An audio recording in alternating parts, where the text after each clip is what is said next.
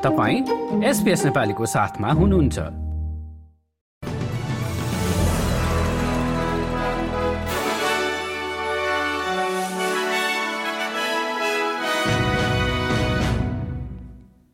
नमस्कार। आज शुक्रबार उन्तिस डिसेम्बर सन् दुई हजार तेइस। अब पालो भएको छ एसपीएस नेपालीमा आजका प्रमुख अस्ट्रेलियन समाचारहरू सुन्ने। र प्रसङ्ग सुरु गरौं मेलबर्नबाट। मेलबर्नका एक बाहन्न वर्षीय पुरुषमाथि किशोरीहरूको अगाडि अश्लील व्यवहार गरेको अभियोग लागेको छ। उनलाई अधिकारीहरूले उत्तर पूर्वी मेलबर्न स्थित प्रेस्टनमा पक्राउ गरेको जनाइएको छ।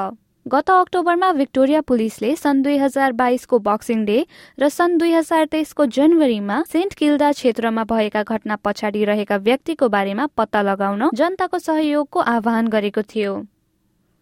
दक्षिण अस्ट्रेलियाको सर्फिङ समुदायले एक प्रिय र प्रतिभाशाली सदस्य गुमाएको छ। एडिलेटको पश्चिममा पर्ने योक पेनिन्सुलाको दुर्गम थेल बीचमा बिहिबार दिउँसो सर्फिङ गर्ने क्रममा एक शंकास्पद ग्रेट व्हाइट शार्कको आक्रमण परि पन्ध्र वर्षीय किशोरको मृत्यु भएको बताइएको छ। National Roads and Motorist Association एनआरएमएले गरेको सन् दुई हजार तेइसको पेट्रोल मूल्यको विश्लेषण अनुसार चालकहरूले तेलको अस्थिर मूल्यको भारको सामना गरिरहँदा राहत छिटै उपलब्ध हुन सक्ने जनाइएको छ।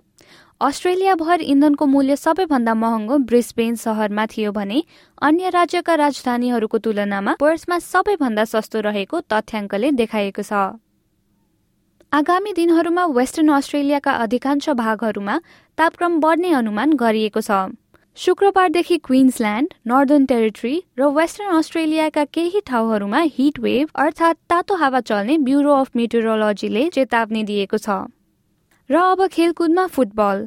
वेस्टर्न युनाइटेडले शनिबार तीस डिसेम्बरमा न्यू क्यासलसँग खेल्दा आफ्ना चार खेलमा पहिलो जितको अपेक्षा गरेको छ। स्काई ब्लूसँग आफ्नो अघिल्लो खेलको पहिलो पाँच मिनटमा अग्रता बनाएको युनाइटेड चार दुई गोलले पराजित भएको थियो। हस्त एसपीएस नेपालीबाट आजका प्रमुख समाचार यति नै। सुरक्षित रहनुहोस्। नमस्ते।